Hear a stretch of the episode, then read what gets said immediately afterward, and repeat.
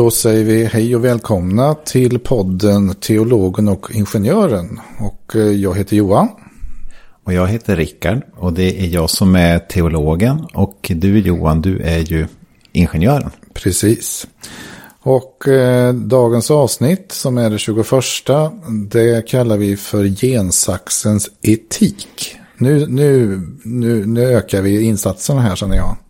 Ja, jag känner det också. Eh, ingen av oss är ju biomedicinska etiker, men vi gör väl som vanligt att vi tänker lite fritt, lite provtänkande. Ja, det här podden handlar mycket om att provtänka.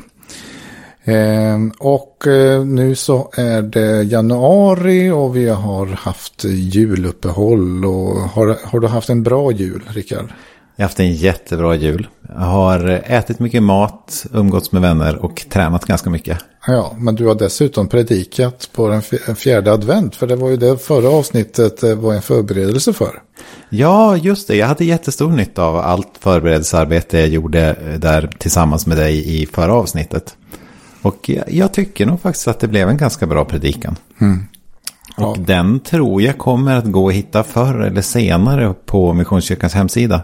Det brukar vara lite fördröjning innan den kommer ut som ljudfil på Missionskyrkans hemsida. Men till slut kommer den ut. Ja, man kanske får hjälpa till och få ut den där. Ja, ja vi kan, kan mm. prata med de som är ansvariga för att få ut det där så kanske det går lite snabbare. Mm. Och vi har fått eh, positiv respons via mail till eh, vår podd. Det tycker vi är jätteroligt. Och eh, jag har dessutom upptäckt en sak i och med det här.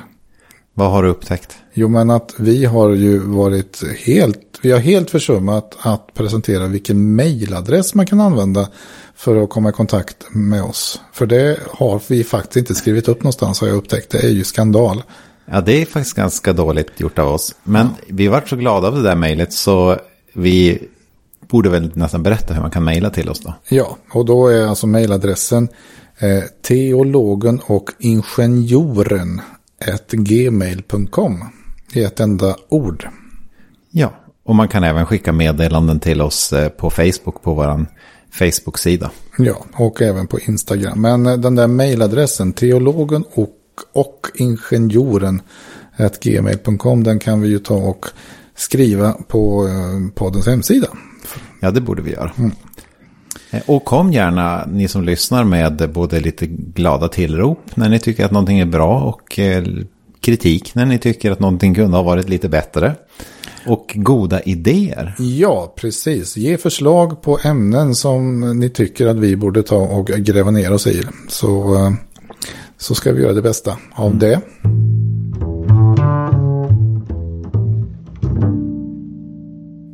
Ja, nu ska vi klippa och klistra i gener. Och det här är ju nästan en liten fortsättning på avsnittet 14 där vi förundrades över DNA-molekylens eh, funktion. Och där så eh, gick vi igenom vad en DNA-molekyl är och hur det här med gener funkar och hur eh, och jag var ju djupt fascinerad över detta. Ja, jag med. Du fick med mig i, i fascinationen där, ja. måste jag säga. Eh, så att eh, man kan ju lyssna på, på avsnitt 14 där ifall man vill ha lite detaljer om just DNA-molekylen. För nu ska vi alltså prata om någonting som är en gensax som är alltså en slags sax som man använder för att modifiera eh, DNA-molekylen. Och det här tänkte jag ge nu en liten eh, förklaring till. Ja, det är jättebra, för det här vet jag inte alls mycket om. Så eh, det är nog bäst att vi börjar med att jag, du får berätta lite för mig hur, hur funkar en gensax egentligen? Ja, precis. Ja, men det, det är ju så, om vi tar en liten kort sammanfattning av de där centrala mekanismerna så kan man ju då tänka sig DNA-molekylen som en otroligt lång stege om vi tänker oss att det ligger en stege i, i havet och simmar i vattnet sådär. Och eh, jätte, jättelång. Och den har ju då stegpinnar. Fyra olika typer av stegpinnar kan man säga. Och de här kan dela på sig, alltså på mitten på själva stegpinnarna. Så man kan liksom riva isär eh, eh den här stegen kan man tänka sig. Och det, när man gör det så bildas det en kopia på de här stegpinnarna. Eh, och de här, den här kopian den, den kallas för mRNA och de där kopiorna skickas då iväg till någonting som heter ribosom. Som jag liknade vid en CPU eller en, en datapryl vid förra avsnittet. Och de här är då recept för hur ett protein ska tillverkas. Ja, just det, det, det minns jag faktiskt. Och om ni lyssnar inte minns så lyssna på avsnitt 14 för att få en eh, längre förklaring. Men det tycker jag var en väldigt kort och bra förklaring. Ja. Eh, mm. Och de här recepten kan man säga, DNA-molekylen det är alltså en enda lång ihopsatt lista med recept. Eh, ungefär 22 000 sådana recept eh, finns i människans DNA. Så det är en väldigt lång molekyl. Så det är proteinrecept? Proteinrecept. Och om man nu tänker sig att eh, man vill förändra ett recept. Eh, jo, men man kan ju tänka sig att man i alla tider till exempel har, har eh, avlat fram um, perfekt boskap på olika sätt genom att kombinera eh, olika eh, exemplar och para dem med varandra. Då får man ju, det är alltid så att eh, genen är ju en kombination av mamma och pappa. Så får man ju vissa egenskaper från mamman och vissa egenskaper från pappan. Och sen så försöker man ju göra det på ett, ett systematiskt sätt. Det är därför vi kan ha sådana här kor med som enorma djur som aldrig hade kunnat överleva ute i det vilda. För att vi har förädlat fram dem. Ja, just det. Nu kan jag som bondson avslöja en sak för dig. Att det är inte storleken på djuret som avgör hur mycket mjölk en ko ja. mjölkar. Okej, okay, men, men de producerar ju en enorm mängd mjölk i alla fall. De producerar väldigt mycket mjölk. På ett sätt som nog aldrig hade funkat i det vilda. Precis. Ja. Eh, mm. Och eh, gensaxen då, som är en specialmolekyl kan man säga, den skulle då göra möjligt att på, med precision gå in och förändra, till exempel klippa bort ett recept eller till exempel eh, limma in ett ytterligare recept i den här långa DNA-strängen. Det här betyder då att det blir mycket lättare att just göra en en väldigt med, med, en förändring med hög precision som, som skulle i princip vara omöjligt med vanlig avel att försöka få fram de här bitarna. Just det, för när man avlar så måste man pröva om och om och om igen tills man lyckas få en kombo som blir det man var ute efter. Ja, alltså varje, ja. varje utfall är ju slumpmässigt på något sätt och det gäller att uh, ha tur. Att lyckas ja, plocka då. Det tar väldigt lång tid. Nu kan man säga att evolutionen är ju också en slags sån eh, process där man ju eh, under lång, lång tid då så att säga premierar de slumpmässiga förändringar då som, som gör någonting positivt för eh, förmågan att föröka sig. Medan då de egenskaper som gör att man är negativt att föröka sig då försvinner successivt. Mm. Men hur fungerar då en sån här gensax? Hur kan man få in en sax i en cell där det då ligger en DNA-molekyl i en kromosom? Det låter som att få en kamel genom ett nålsöga. ja, det kan man säga. Ja. Nu visar det sig att i naturen så finns det en filur som faktiskt eh, eh, är dels bra på att komma in i en cell och det är ju faktiskt virus. Aha. Och eh, då är det som så att celler bygger upp till slut en förmåga att skydda sig mot virus. Och det här var då, så det är en naturlig mekanism som man har liksom tagit eh, och kopierat. Och, eh, så ritningarna på den här mekanismen har man liksom kunnat få kontroll på. Och jag tror det var en streptokockerbakterie som vars förmåga att eh, oskadliggöra virus som är själva nyckeln till det här. För ett virus, eh, DNA då, det lyckas ju ta sig in då i, eh, i streptokockerbakteriens cellkärna. Och där då så när cellkärnan väl kommer ihåg och känner igen det här viruset. Då fanns det då en, en eh, molekyl där som helt enkelt känner igen en sekvens på det här virusets, det som kommer in. Så känner man igen den sekvensen och vips då hade en förmåga att klippa sönder virusets DNA och på det sättet oskadliggjorde viruset.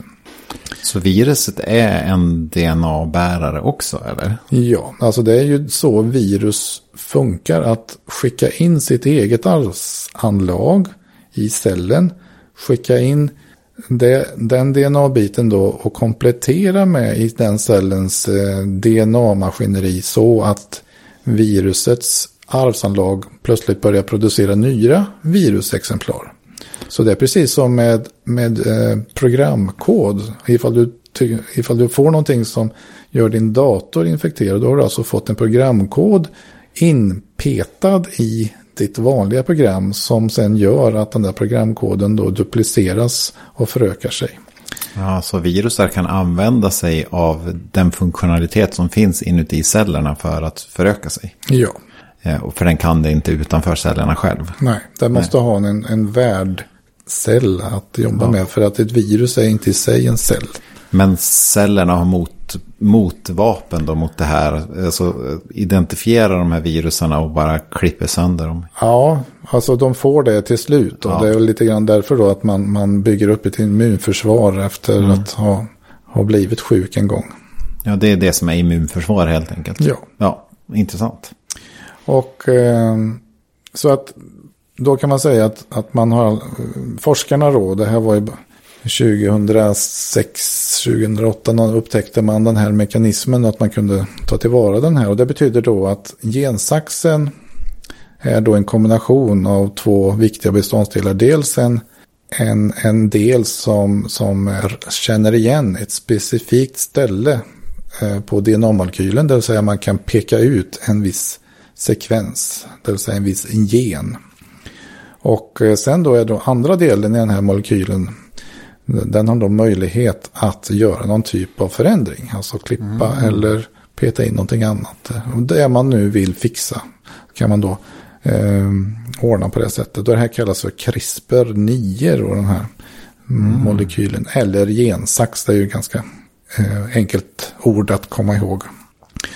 Och eh, nu då kan man ju fundera på. Okej, okay, här har vi nu då ett verktyg där du kan med precision förändra vad du vill i din DNA-molekyl. Det låter väl fantastiskt spännande. Pratar vi nu om alltså, DNA-molekyler i en hel vuxen människa med, jag vet inte hur många miljoner celler vi har.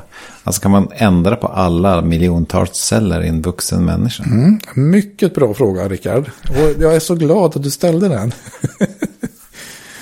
eh, om vi, det är ju nämligen så att vi har, vi har väldigt många celler i vår kropp.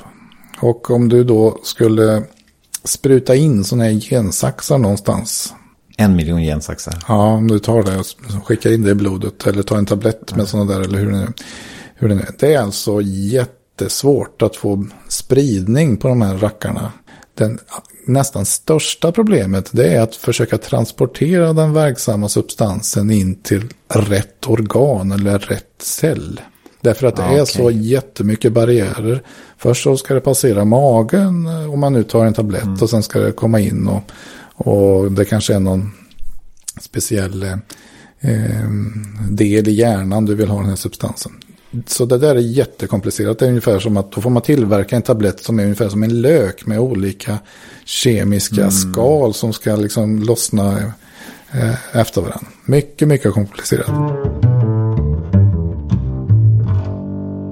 Men vad man kan eh, hitta på då kanske, det är väl att man, att det finns någon sjukdom, en, en ärftlig sjukdom eh, i ögat, en ögonsjukdom helt enkelt. Och om man nu tar cellerna som finns inuti ögat så behöver de då fixas med, med den här tekniken för att få bort den här effekten. Och i det fallet då så har man ju lyckats med försök att man helt enkelt tar Eh, och tar ut de här, ett gäng med sådana här celler med någon, något instrument eller någonting. Och sen i labbet så preppar man de här cellerna med den här gensaxen som ser till då att just de cellernas DNA blir förändrat till det positiva. Och sen så skickar man in de här cellerna igen i ögat. Och då lever ju de där och liksom jobbar på som vanligt. Och poängen är ju då att då celler som är friska och funkar så här, de delar ju på sig med jämna mellanrum. Det vill säga att man kopierar då sitt DNA till en ny cell som har samma DNA. Ja, så de funkar som alla andra celler, att de eh, fortsätter att leva och förökas och delar sig och ha sig. Ja, och mm. tanken är ju då, och förhoppningen är ju att mm. Eh, de här, den här populationen av fixade celler kommer till slut ta över och vinna över de celler som, som har problem. Okej, men eh, då gör man dem lite mer livskraftiga då eller? Eh, Ja. För eh, det låter ju lite grann som att man gör cancer. För cancer kan ju vara celler som sprider sig för bra. Precis, så det här är trickigt. Det gäller att... Och, och, och det är klart att om man jämför det, för det här kallas ju för genterapi. Att du liksom plockar ut celler, m- mixtrar med dem och då, då blir det ju, om du nu tar ut ett prov eh, med, med, eller tar en spruta och suger ut, liggen, då är det ju miljontals celler. Och då, sen så eh, fixar du med dem och sen skickar in igen. Det är ju då eh, en slags behandling av en redan levande organism. Alltså vi, vi människor som, som har ett problem kan ju liksom bara eh, få den, den hjälpen då. Men däremot så är det ju en helt annan sak ifall man går in på, på eh, könsceller. Just det, för då är det bara en cell. Då är det bara en cell. Och om du fixar den cellen, det vill säga fixar den cellens DNA på rätt ställe. En befruktad ägg till exempel. På rätt ställe fixar problemet. Då kommer ju den här korrekta eh, DNA-molekylen att duplicera sig jättefint. Och, och du kommer inte ha någon, någon ögonsjukdom då för den nyfödda bebisen kanske. Man kan säga. Här låter det som att eh, möjligheterna är i stort sett oändliga bara man får till det. Ja, Det, så är det ju. Och det, och det är klart att om man i förväg vet. Det finns ju nämligen en. Har man lyckats, bara måste fråga, har man lyckats eh, med att eh, gensaxa på ett människoembryo? Det är ju nämligen så att eh, det, det finns en kinesisk forskare som fick fängelse för att man, han gjorde det här försöket. Det har varit ganska mycket debatt över detta. Eh, men det, Han, han gjorde det fast han inte fick. ja, han bröt mot etiska regler därför att det är alltså förbjudet att göra den här typen av genmodifiering på, på mänskliga könsceller. Men, men eh, det finns också forskare som utifrån etiskt perspektiv ändå tycker det är lite konstigt. Man tillåter ju nämligen genterapi. Eh, utifrån ett riskperspektiv så kan det vara till och med troligt att om du nu tar ut miljontals celler och sen så applicerar miljontals likadana gensaxar på det så kan det ju finnas eh, celler där det här gensaxen halkade lite snett. Klippte kanske på fel ställe. Det är ju en, Mm, det. inte, eh, Och då blir det kanske värre än bättre. Felklipp kan just ge en cell som börjar utveckla cancer. Medan då eh, ett ägg, eh, den har man ju mycket bättre förmåga att kontrollera ifall den där gensaxen gjorde ett bra jobb eller inte. Ja, just det. Eh, Men varför har man satt stoppet då? Är det just det för att det är lite för mäktigt eller? Man eh, vill inte främja sådär att man ska ha forskare som producerar superbebisar. Just det. Jag vill ha en bebis med blå hud. Ja, Och en bebis med grönt hår. ja det kanske du vill ha, ja, precis.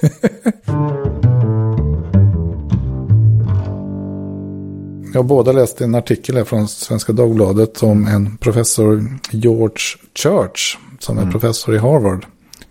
Church måste ju vara ett perfekt efternamn förresten. Ja, jättebra. Ja, det låter väldigt fromt när man Ja. är genforskare. Ja, precis. Alltså den, det finns ju några ärftliga sjukdomar där man vet att eh, Ehm, eh, den här kombinationen av, av ärftliga anlag från mamman och pappan, det blir ingen bra kombination.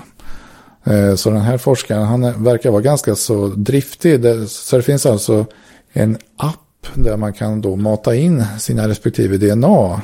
En dating-app som man skulle då kunna använda för att liksom bara checka att okej, ska jag fortsätta att dejta den här personen eh, eller inte. Det är ju ur etisk synpunkt då kan man fundera på. Är det bra eller inte?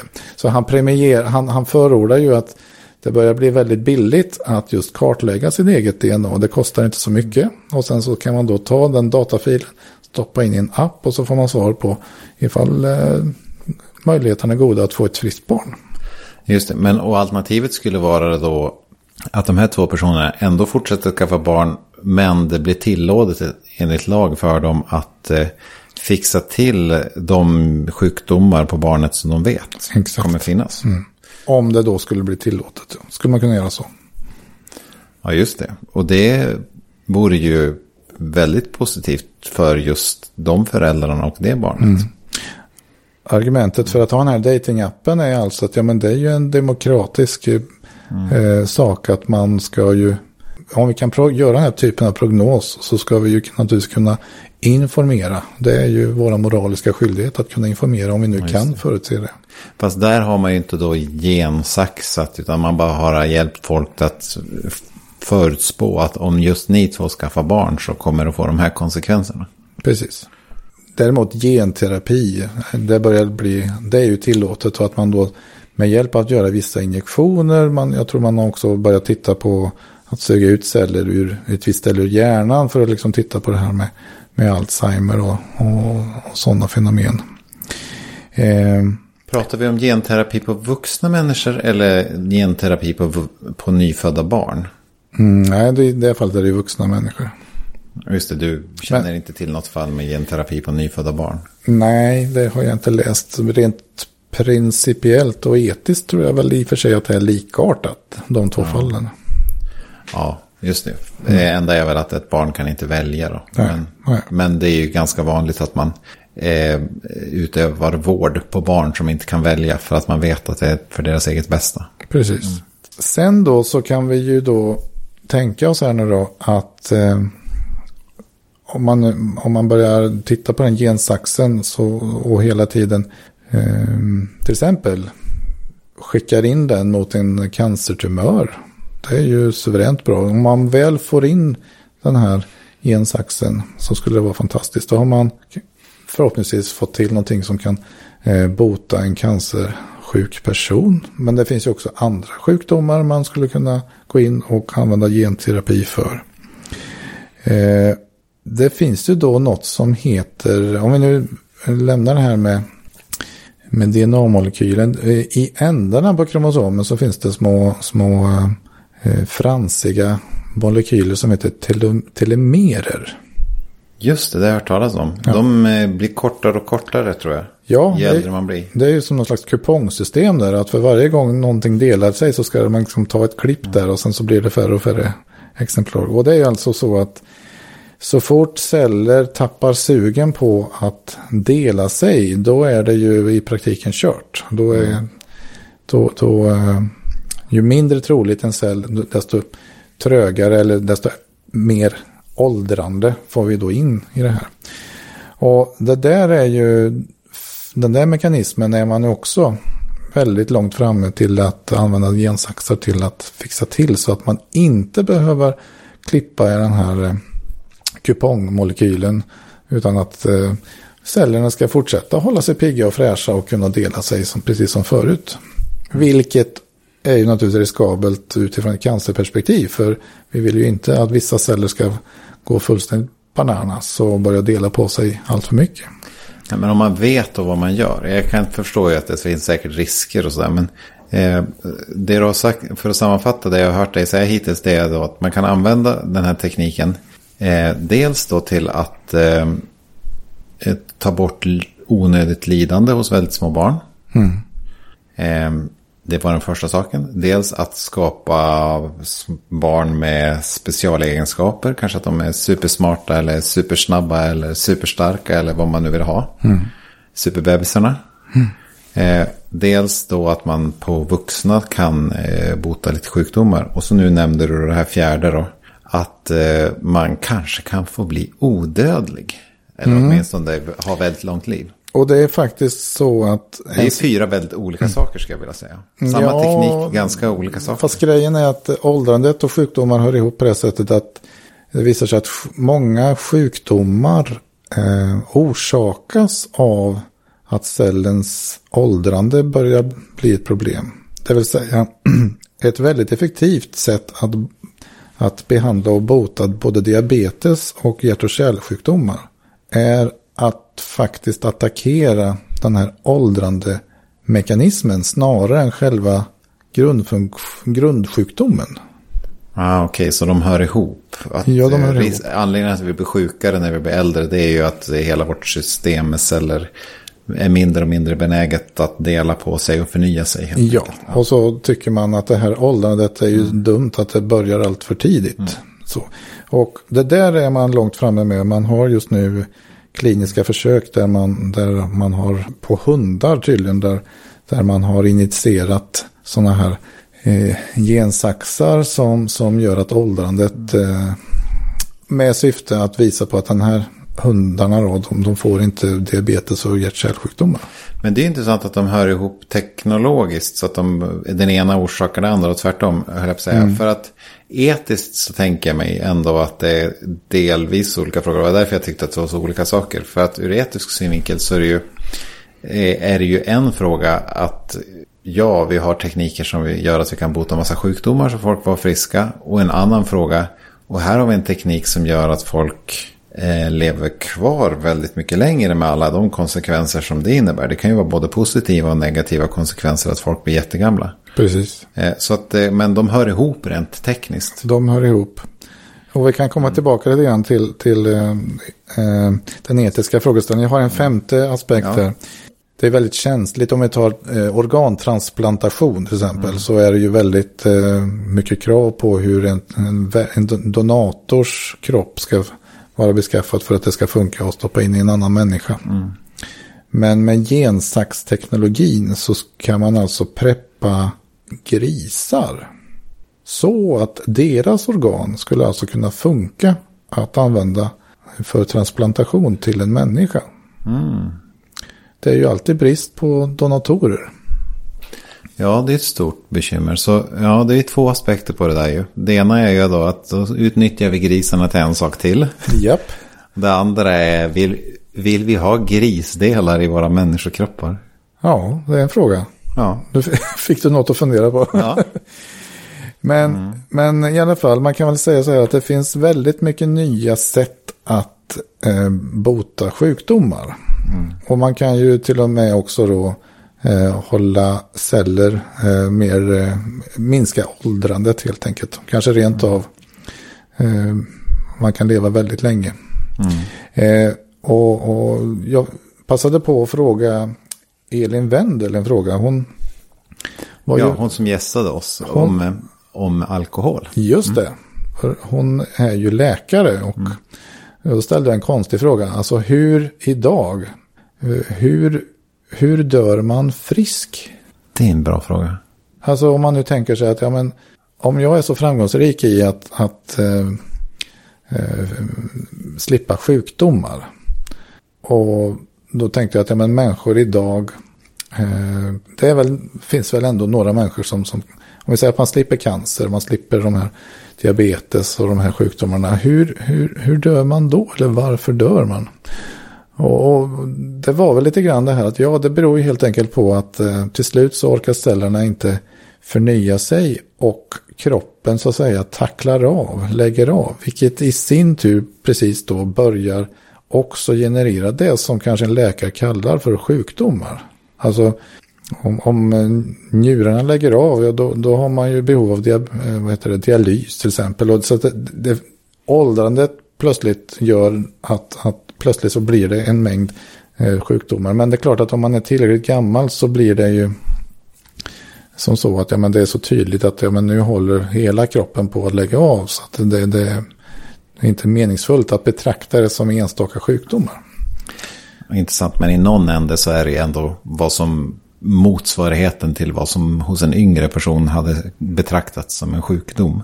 Precis. Ja, Så att, eh, ja, hur, hur, hur vill man dö egentligen, Rickard? Det är en jättebra fråga. Jag tänkte mig alltid när jag var, eh, växte upp så min eh, farfar, han dog eh, genom att han, han gick ut och skottade. Eh, sen tyckte han att han behövde vila. Så han satte sin stol och så dog han. Underbart. Jag visst låter det underbart, en snabb död. Ja, Sådär, eh, inte lidande, han levde och var aktiv in i det sista. Och det tänkte jag länge var någon slags idealdöd. Men sen så pratade jag med en person som eh, eh, var döende i cancer. Och den personen uttryckte vad bra det var att få dö långsamt så att man hann tänka igenom sitt mm. liv och ta farväl till alla innan man dog. Um, så jag är lite kluven till vad som är hur, hur vill man dö? Mm. Vill man dö snabbt eller långsamt? Alla vill väl dö efter ett fullgott liv, men mm. ja. Alla vill dö efter ett fullgott liv och då skulle man ju kunna tänka sig att man håller sjukdomarna borta tills man tycker att nu så är livet fullgott och då har man ett sätt att dö. Men då blir det ju lite, eh, vad heter det, självhjälp till död.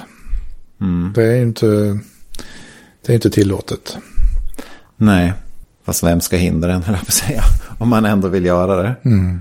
Ja, ehm. Nej, men, men det är intressant det här att om man nu normalt sett så vill man förmodligen alltid leva vidare åtminstone en dag till. Ja. Fast man vill ju inte för den skull kanske ha evigt liv. Men, men en dag till vill man säkert leva. Och med induktionsbevisets kraft så skulle man då kunna hänvisa till att man kommer ju alltid vilja leva lite längre. Så länge man har livsglädjen. Men jag har faktiskt träffat äldre människor som, som säger utan tvekan att jag känner att jag har levt klart. Jag skulle vilja dö nu. Jag tänker mm. inte ta mitt liv. Nej. Utan eh, jag tänker fortsätta leva så länge kroppen håller. Men jag är nöjd. Mm. Jag har varit med om allt. Mm. Så att eh, jag tror att, att ganska högt upp i åldern så vill man nog leva ett, en dag till. Men det kan vara så att eh, man kommer till den punkten där man känner att nu har jag haft ett tillräckligt bra liv. Mm.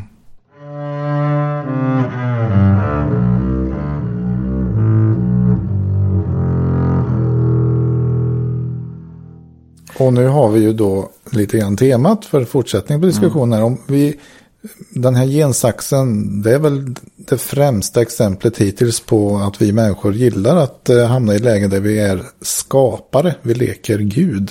Ja, eh, det ju, och här kommer ju den etiska frågan in då. Ja. Vad, vad, ska vi göra med all den här makten vi får genom mm. all ny teknik? Precis.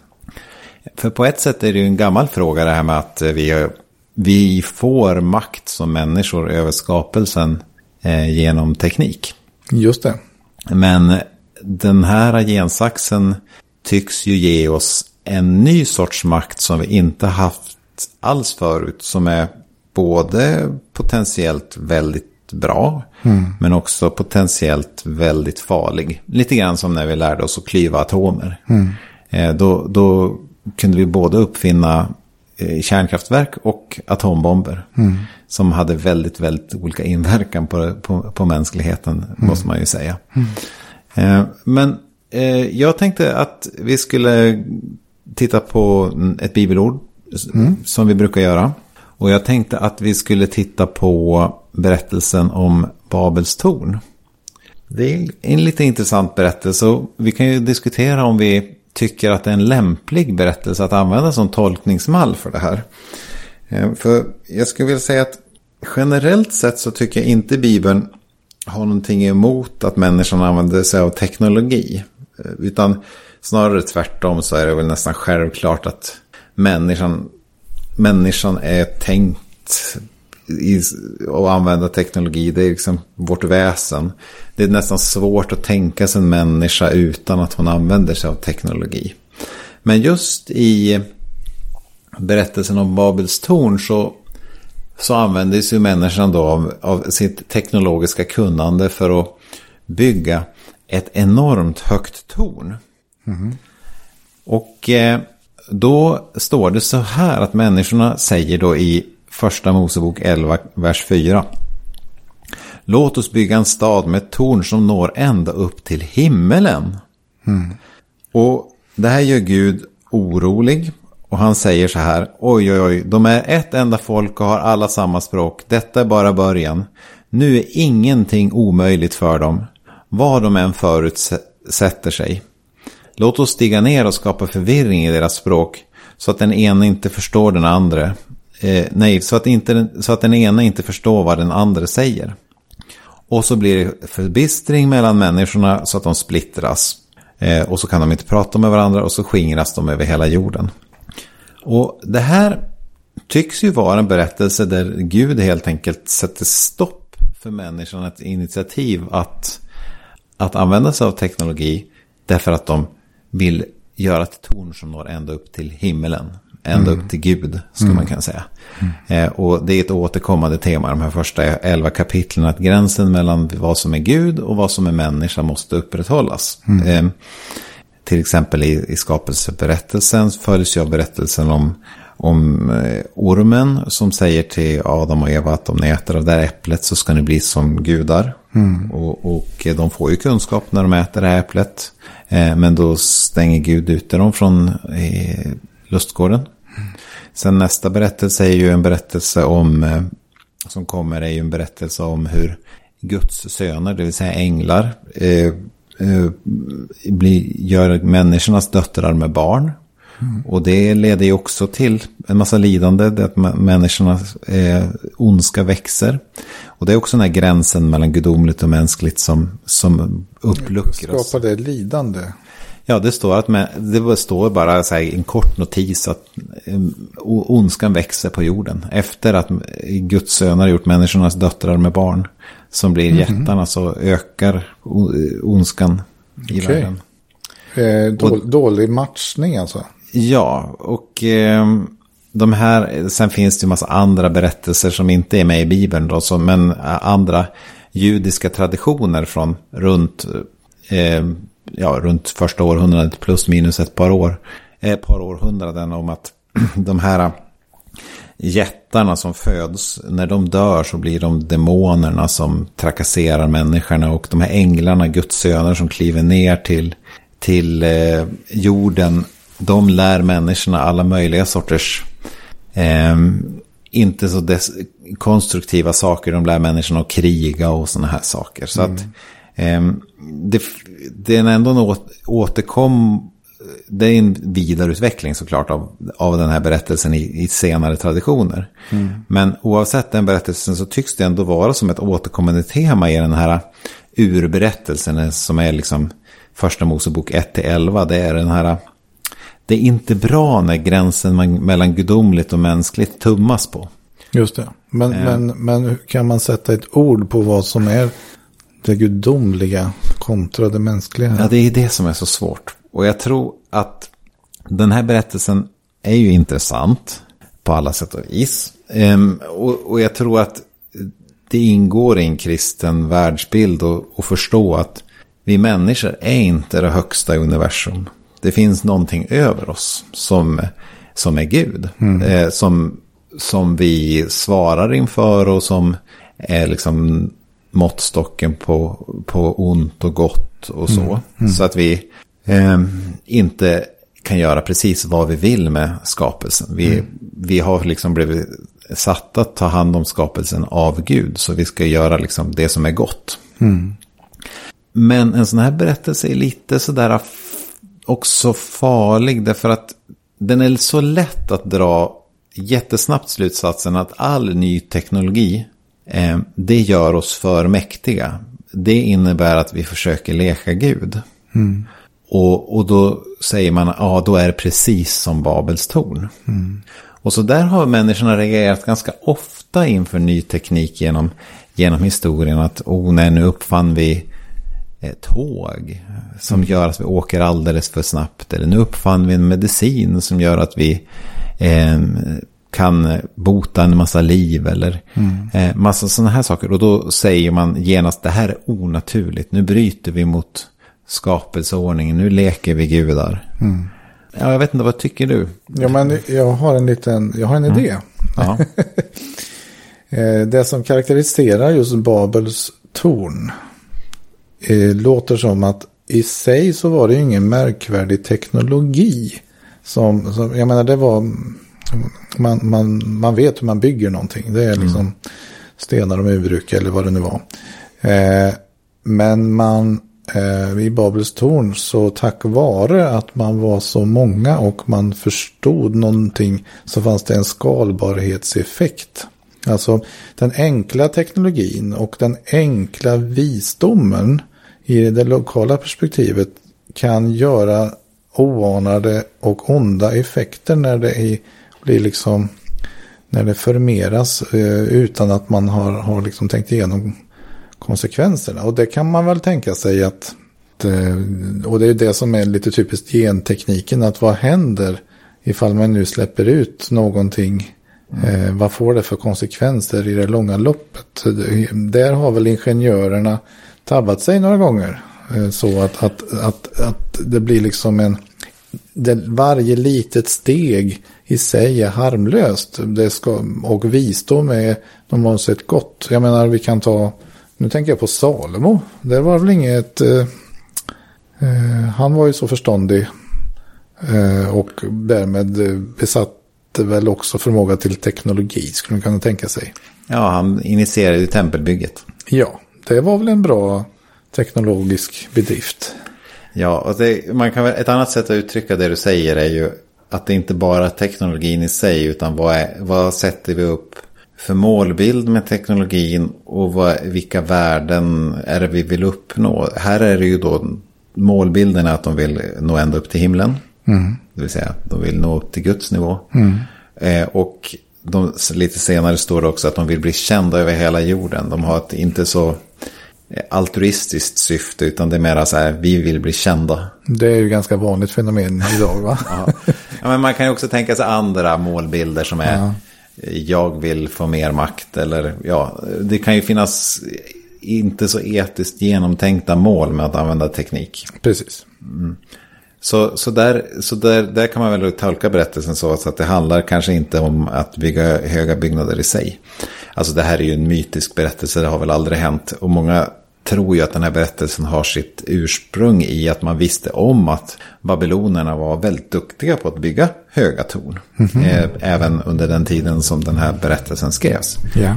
Deras eh, siguratter, alltså deras eh, tempel som fanns i i Babel var ju väldigt ståtliga och imponerande för, för resten av världen. Okay. Och där följer då legenden om Babels torn att babylonierna en gång i tiden försökte bygga ett så högt torn så att det skulle nå ända upp till himmelen. Mm.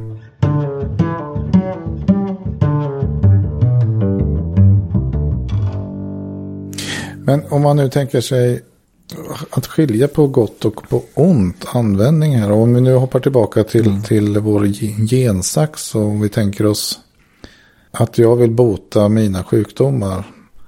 Det låter ju per automatik som att det är alltid mm. betrakta som gott och det är inte så kontroversiellt. Men det är ju också som så, vad är lidande egentligen? Och till slut så kommer man ju komma in på att ja men jag, eh, jag skulle också vilja ha en, en sån här snygg kropp. Eh, som du, Rickard. eller, eller jag skulle vilja ge mina barn bättre förutsättningar. De skulle liksom, eh, det här att vara, eh, ha, ha, ha mindre förmåga i skolan kanske och inte vara bäst i klassen. Det kanske är lidande. Mm. Kan man liksom skapa, kan jag, kan jag använda det här för att skapa en, en super ett superbarn, superbebis. Eh, vad, vad, säger, hur, hur, kan man resonera då etiskt i det här? Och, och för e- etik är ju någon slags eh, sätt att resonera som, som ja. löser problemet åt mig. Finns det en perfekt etik alltid? Ja, och det här är faktiskt ett sånt bekymmer där jag tror att etiken är, är lite svår att använda. Eh, vi kan väl börja med att säga att det är skillnad på de här två fallen i princip. Att det ena är att du undviker sjukdomar. Den andra är att vi, vi gör oss själva bättre eh, än vad vi skulle ha varit om vi inte hade ätit medicinen. Eh, mm. Så. Mm. Och eh, pre precis som du säger så man kan problematisera hur tydlig gränsen mellan de här två är.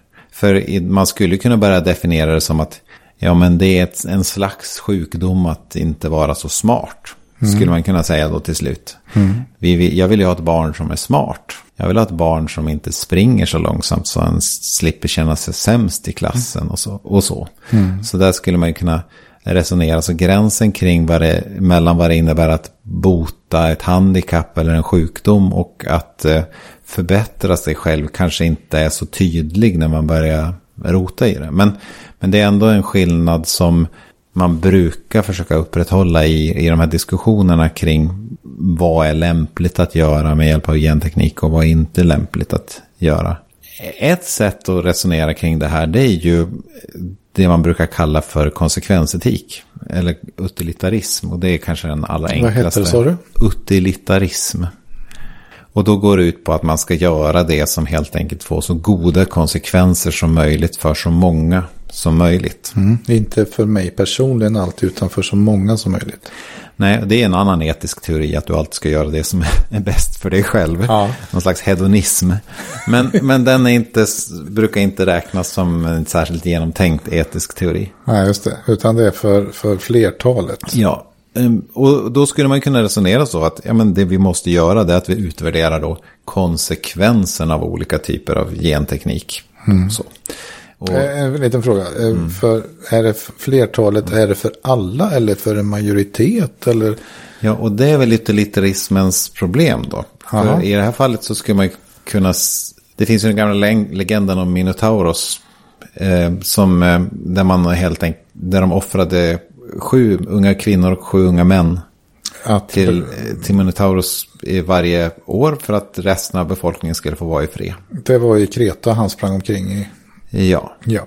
Där kan man ju säga att de gjorde en utilitaristisk kalkyl. Genom att offra 14 så får resten leva. Just det. Ja. Och aztekerna körde ju med samma. Ja, precis. Mm. Så det, det, och där kan man väl då uppleva att ja, men det där är lite problematiskt. De här fjol, är det verkligen rätt att offra de här 14? Mm. Det är kanske lättare i sådana här fall där man vet att den som man offrar är ond. Till exempel om du genom att skjuta en terrorist kan rädda hundra barn från att bli sprängda av terroristen. Mm. Då kan det vara lättare att tänka, okej, okay, det är värt att döda terroristen. Eh, men, om, men döda 14 oskyldiga, mm. det känns inte helt, då känns det helt plötsligt inte helt rätt. Nej.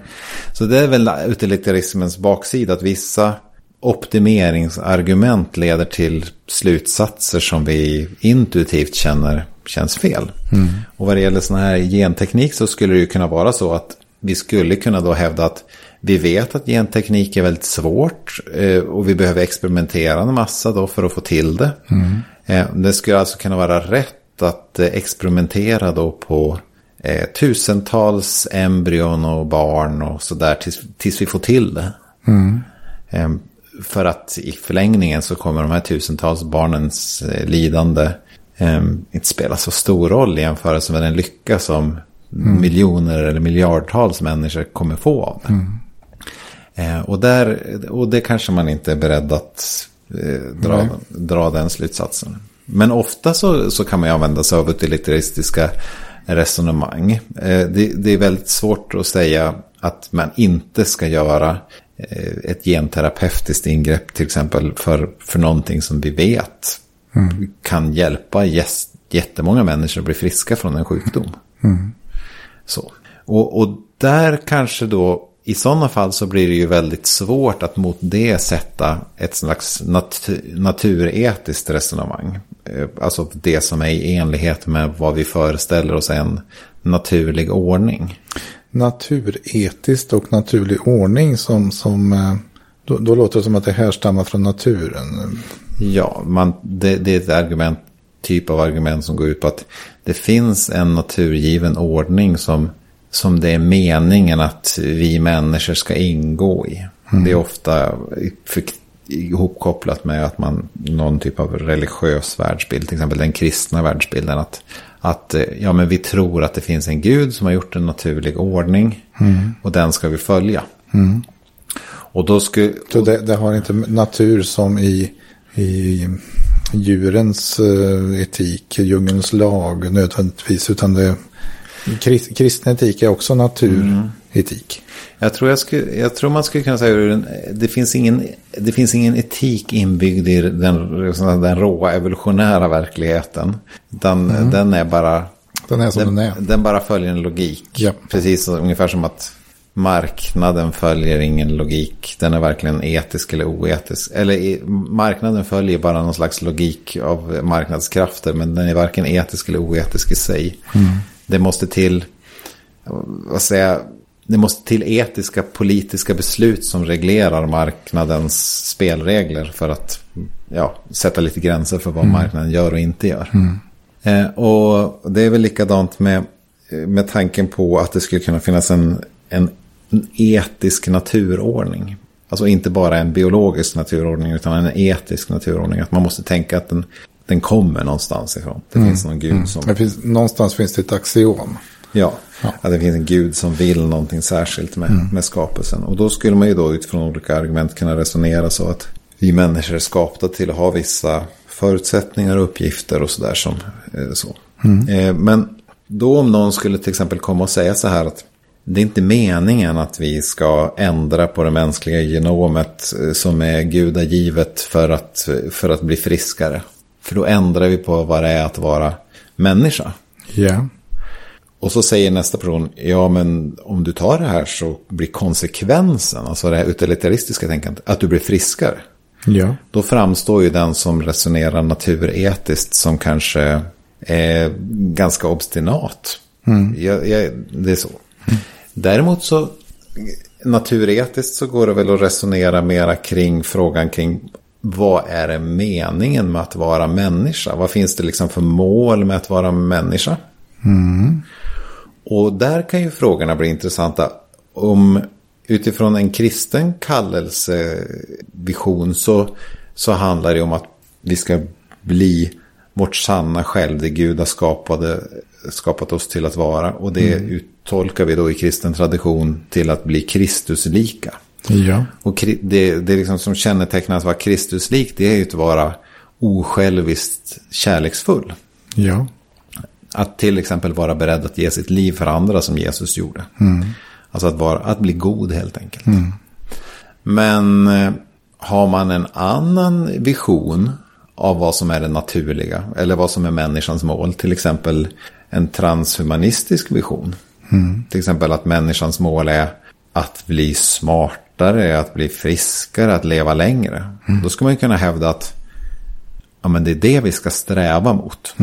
Och där blir det då olika, eh, olika världsbilder vad som är människans mål att sträva mot som, som sätter egentligen reglerna för eh, vilka, vilka ingrepp som, som är värdefulla och, och meningsfulla att göra. Så nu är, är vi i en situation där, där faktiskt syftet med mänskligheten plötsligt blir väldigt viktigt att eh, få kläm på. För det, det, det sätter de här Mm. konsekvensresonemanget blir definierat av det. Ja, det blir det ju. Ehm, så. Och där skulle man ju kunna i och för sig tänka sig att vi skulle genom genetisk manipulation kunna ge oss bättre förutsättningar att vara goda och kärleksfulla. Och inte onödigt aggressiva. Här pratar vi om genterapi-metoden som gör oss mer Kristuslika. Ja, Ja, kan det vara ont? Ja, det är en jätteintressant fråga. Jag, jag tänker, fast jag tänker mig i och för sig att då får man bara förutsättningarna för att utveckla de anlagen. Att utveckla en känsla för etik måste också handla om uppfostran och vägval här i livet och sådana här saker.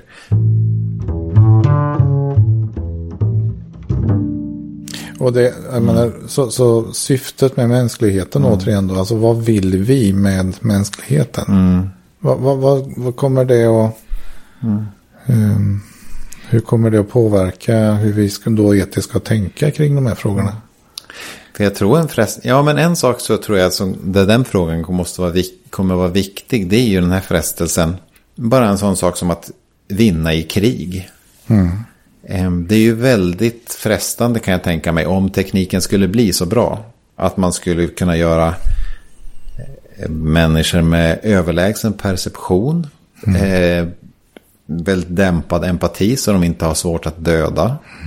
Eh, väldigt hög intelligens så att de kan analysera situationen på slagfältet mycket effektivt och snabbt.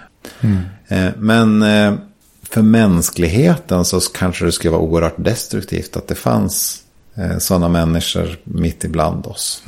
Eh, och det skulle kunna också mm, skapa orättvisor mellan rika och fattiga länder. Låt säga USA som alltid har varit främst i krigsfronten. Om de forskar fram de här eh, människorna som, eh, som är överlägsna krigare. Då skulle de ju då öka sitt eh, vapenmaktsövertag ännu mer. Ja, jag menar, man kan dra någon parallell till eh, LSD är väl en drog som ju eh, uppfanns, eh, tror jag, i, i syfte med, där med Vietnamkriget. Att man ville liksom skapa, ja, skapa mer uthållighet och så. Mm. Sen spred det sig som en, en drog där. Och det är klart att det är ju, metoden här är ju annorlunda med gensax jämfört med en, ett narkotika. Men det är ju på något sätt, syftet är ju lite grann sammalunda. Eh, men man påverkar en nu vuxen levande människa som på, på något sätt får ta ett beslut. Eh, man blir förstärkt, mm. har ökad förmåga kanske på något sätt. Eh, till skillnad då från i Nazityskland där man ju kom på idén att man, man, man skulle avla fram. Mm. och då skulle man kunna säga det att men idag i, i USA så är ändå ja, om vi nu ska ta USA som exempel, men det är i alla fall en, det känns som en ganska eh, grundläggande etisk princip att, att barn föds av att eh, två vuxna människor har på något sätt haft tycke för varandra och det är ingen annan som har styrt att de ska avlas fram. Så det är ju en liten etisk princip. Ja, som vi tycker nu i alla fall. Men frågan är vad vi kommer tycka den dagen då, då, man ställs inför alternativet att du kan antingen få ett barn som är från er två eller ett barn som är dels från er två men också förbättrad med en massa annat. Mm, precis. Ehm, och, och, där tror jag nog att många kommer vara starkt frestade att ta det där förbättrade alternativet. Och då blir ju också det en, en annan fråga. Det är ju den här frågan om skillnaden mellan eh, rika och fattiga. Mm. Och så, man kan ju förutspå med ganska stor enkelhet att den här tekniken kommer ju i alla fall till att börja med verkligen inte vara billig. Mm. Kommer det här förstärka då eh, liksom klasskillnaderna mellan rika och fattiga? Att de rika kan se till att de får särskilt överlägsna barn medan de fattiga får nöja sig med liksom naturliga barn. Mm. Ehm, och så. Då är ju svaret alltid open source. Ja, vi vet ju inte vad, som, vad framtiden kommer innebära för, för problem vad det gäller kostnader och sådär. Mm. Eh, men men det, det är en möjlighet. Så den, och där, har vi, där är det utilitaristiska resonemanget. Får ju, kan ju inte bara handla om då vad är bra för mig som individ. Utan det måste ju också ta de här samhällsstrukturperspektiven mm. av att vad kommer det här sättet att göra få för eh, konsekvenser för hela samhället? Mm. Eller för all del för hela ekosystemet eller vad vi vill nu eh, ställa för frågor. Och, Men, och, och samhällsaspekten kommer faktiskt in i det vi, den här eh, George eh, Church från Harvard tittar på. Därför att prognosen är ju att, här att, att lindra diabetes och hjärt-kärlsjukdomar. Den här metoden att minska åldrandets hastighet. Det tror man kommer vara en ganska billig metod. Alltså samhällsekonomiskt så är det här oerhört mycket smartare än det vi har idag. Mm. Ja, och det låter ju som, i alla fall i mina öron, som tekniker som inte skapar några supermänniskor utan mest bara minskar onödigt lidande. Mm. En möjlig sak som man skulle behöva diskutera där det är ju att då skulle människor då leva längre kan jag tänka mig som en bieffekt. Mm. Det vill säga vi skulle få en befolkningsökning som beror då inte på att det föds för mycket barn utan att de, de gamla inte dör ut. Mm.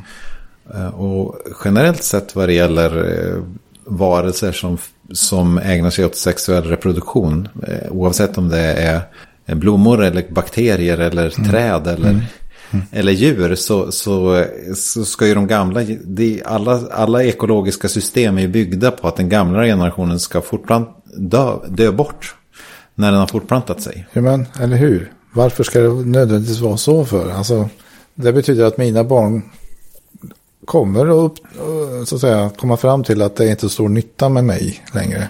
Men det är för att den, det är resurskrävande. Alltså den, den som inte fortplantar sig längre utan bara lever är, mm. är ju ur ett ekosystemperspektiv en resursslukare. Precis. Eh, och så riktigt kan vi väl inte tänka om oss människor. Vi är ju redan nu inte beredda att typ skjuta av gamla människor för att de... Nej, vi kan Nej. låta dem eh, köpa lägenheter i Spanien istället. Ja, men Nej, men vi kan inte tänka så om oss människor. Men, men det skulle ändå vara, det skulle, man får ändå komma ihåg att, att eh, det skulle ju förändra den totala ballast, belastningen på vår planet. Just det. Att förlänga livet på miljontals människor. Mm. Men man kan ju resonera helt annorlunda än, än eh, utilitaristiskt också. Man kan ju dels eh, resonera utifrån es, en, olika typer av regeletik. Och den finns ju två varianter då. Att man, den ena är en rättighetsetik. Man säger att varje människa har en rättighet till X, Y och Z. Mm. Och då beror det ju helt enkelt på hur man definierar de här rättigheterna. Man, man skulle kunna säga att varje människa har en rättighet att få god sjukvård. Mm. Och då utifrån det sättet, rätt, rättighetstänkandet så, så skulle man ju då kunna argumentera för genterapi till exempel. Mm. Man skulle också kunna säga att varje människa också har en rättighet att göra sina egna livsval.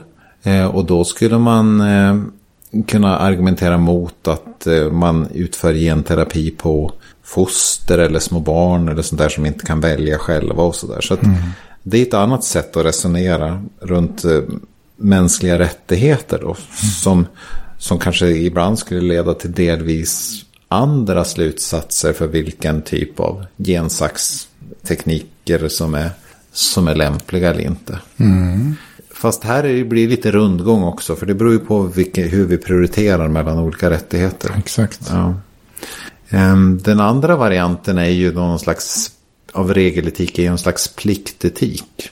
Eh, att vi har plikt att alltid göra vissa saker. Mm. Ehm, många skulle nog säga att det är, en, det är en regel eller en plikt att inte döda andra människor till exempel. Mm. Så även om du kan räkna ut att genom att döda den här människan så Eh, så kommer nog livet bli bättre för en massa andra människor. Så, så kan du ändå tänka, ja men det finns en regel en, som säger att jag ska inte döda. Mm. Eh, det är en plikt att låta bli att göra det, så då låter du bli ändå. Mm. Och, och där eh, skulle man ju kunna föra liknande resonemang på, det är min plikt att eh, rädda liv, skulle en läkare kunna säga. Mm. Och då eh, skulle de ju säga, då måste vi använda oss av den här gentekniken. Mm. Eh, för att använda, för att göra. Precis. Eh. Så det är någon slags så här, bare minimum princip. Mm. Som att till slut så landar vi i väldigt enkla beslut för att det är tydligt moraliskt. Ja, pliktetiken har ju den fördelen att, att eftersom det är så jättesvårt att ibland förutspå alla konsekvenser av någonting. Mm så kan man istället luta sig mot att ja, men nu har vi ändå en uppsättning av regler som vi följer. Mm. Och de, de här reglerna kan man antingen se som att de är givna från, från Gud. Eller att de är ett socialt kontrakt som vi människor har kommit överens om. Just det.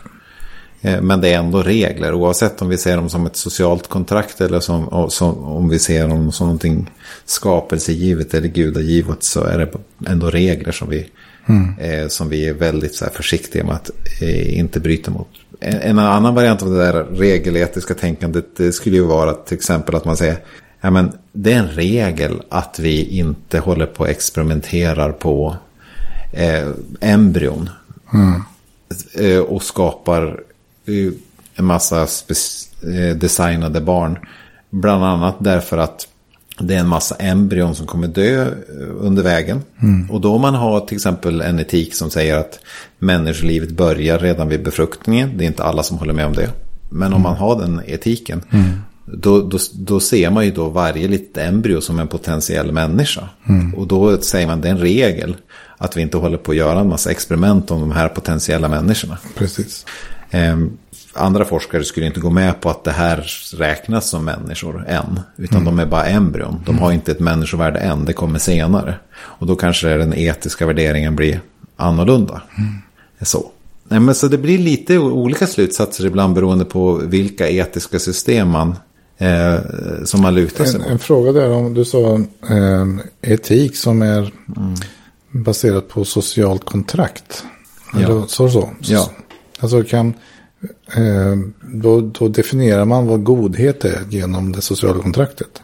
Eller kan man, kan man liksom problematisera det att, att, att den icke axiomdrivna etiken eh, går inte ens att bedöma huruvida det är gott eller ont. Det, är så, det här är en jättestor debattfråga. Och finns det någon objektiv etik? Och i Ja. sådana fall är all etik objektiv. Alltså det tycks ju som att vissa saker är, i alla fall så som vi människor upplever det, eh, objektivt gott. Till exempel att inte döda. Att inte orsaka människor lidande. Det, och det kan man ju bland annat visa genom att du kan inte hitta ett samhälle som, som tycker att det är gott att döda. Eller gott att orsaka andra människors eh, eh, lidande. Så de tycks ju vara liksom, i stort sett universella etiska principer. Precis. Men andra etiska värderingar är ju inte lika självklart att hävda att de är, är objektiva. Till exempel rätten till frihet och att få välja själv till exempel. Det tycker ju vi är så självklart gott i västvärlden. Men ganska stora delar av världen så tycker man ju inte alls att det är något absolut värde att till exempel unga flickor ska få styra över sitt liv själv. Nej. Utan där tycker de ju är, mycket högre värde att eh, till exempel att föra familjen vidare eller se till att familjens liksom anseende i relation till omvärlden. Så, så där har vi då massa etiska värderingar som vi kan konstatera att de inte är universella. Och på vilken grund ska vi då hävda att vårt etiska system där vi betonar frihet. Att det är mera objektivt än, än det andra etiska systemet som värderar eh, familjen. Precis. Ja, man kan ju tänka sig ett scenario där ökad individuell frihet ger ofrihet för, för samhället.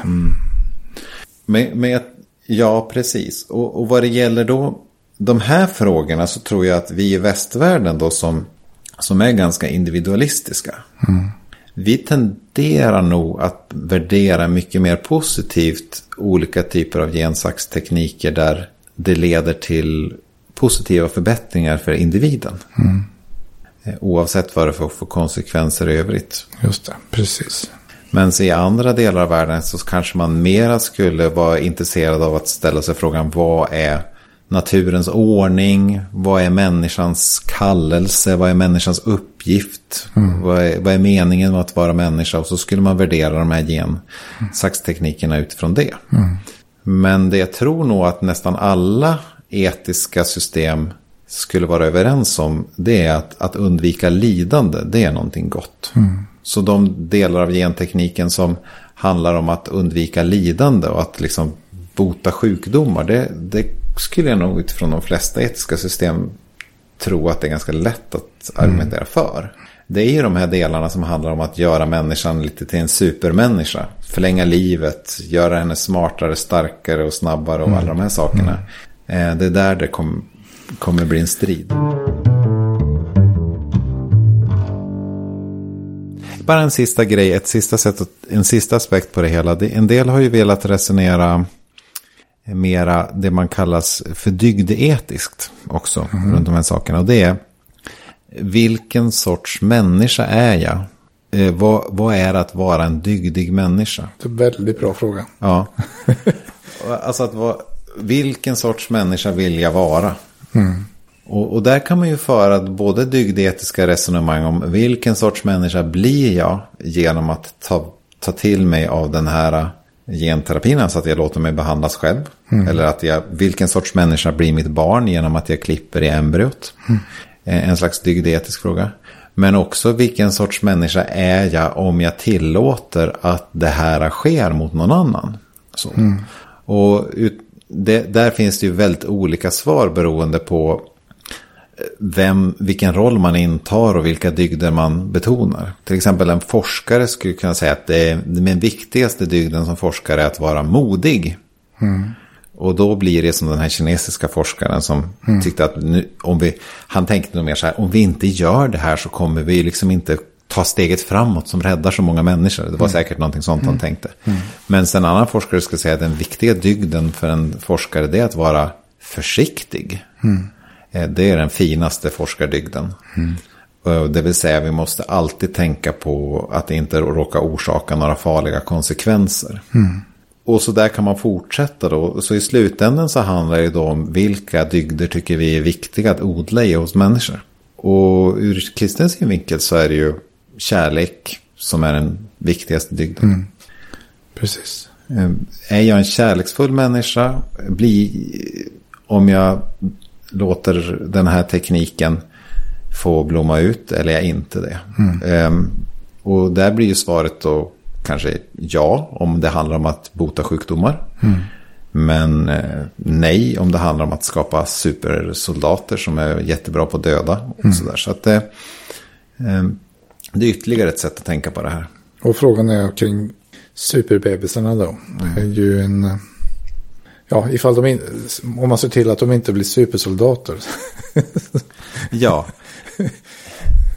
Det är en jättestor fråga. Ska jag vara min kärlek till just mitt eget barn då? Ja, precis. Då han, blir det ganska enkelt. Jag vill mm. att mitt barn ska ha det så bra som möjligt. Mm. Eh, designa ett barn som mår bra och är smart och kommer gå få bra här i livet. Och. Mm. Eh, fast det kanske är så att den kristna kallelsen är att vara kärleksfull mot alla människor. Faktiskt, absolut. Och då om det här att jag deltar i det här med att vissa barn får mycket bättre förutsättningar än andra. Då kanske jag inte bidrar till det som är kärleksfullt för alla människor. Precis. Ja. Och det är väl ett bra sätt att avrunda. Och mm. man kan väl konstatera att för eh, de här frågorna. Den etiska frågeställningen kommer ju att bli allt viktigare. Det kan man väl lugnt påstå i framtiden. Ja, det tror jag. Och det är i nuläget så att det finns egentligen ingen konsensus kring vilket av de här olika etiska sätten att resonera som egentligen leder till bäst slutsatser. Mm. Så det här äh, kommer nog fortsätta debatteras länge och gå i hand i hand med vilken teknisk utveckling som faktiskt kommer. Mm. Ja. Bra, tack för ett bra samtal Rickard. Ja, tack själv. Hoppas att vi får dö någorlunda friska. Ja, eh, det hoppas jag också. Så då säger vi tack till er som lyssnar och på återhörande. Vi får se vad det blir för ämne då. Ja, tack så mycket.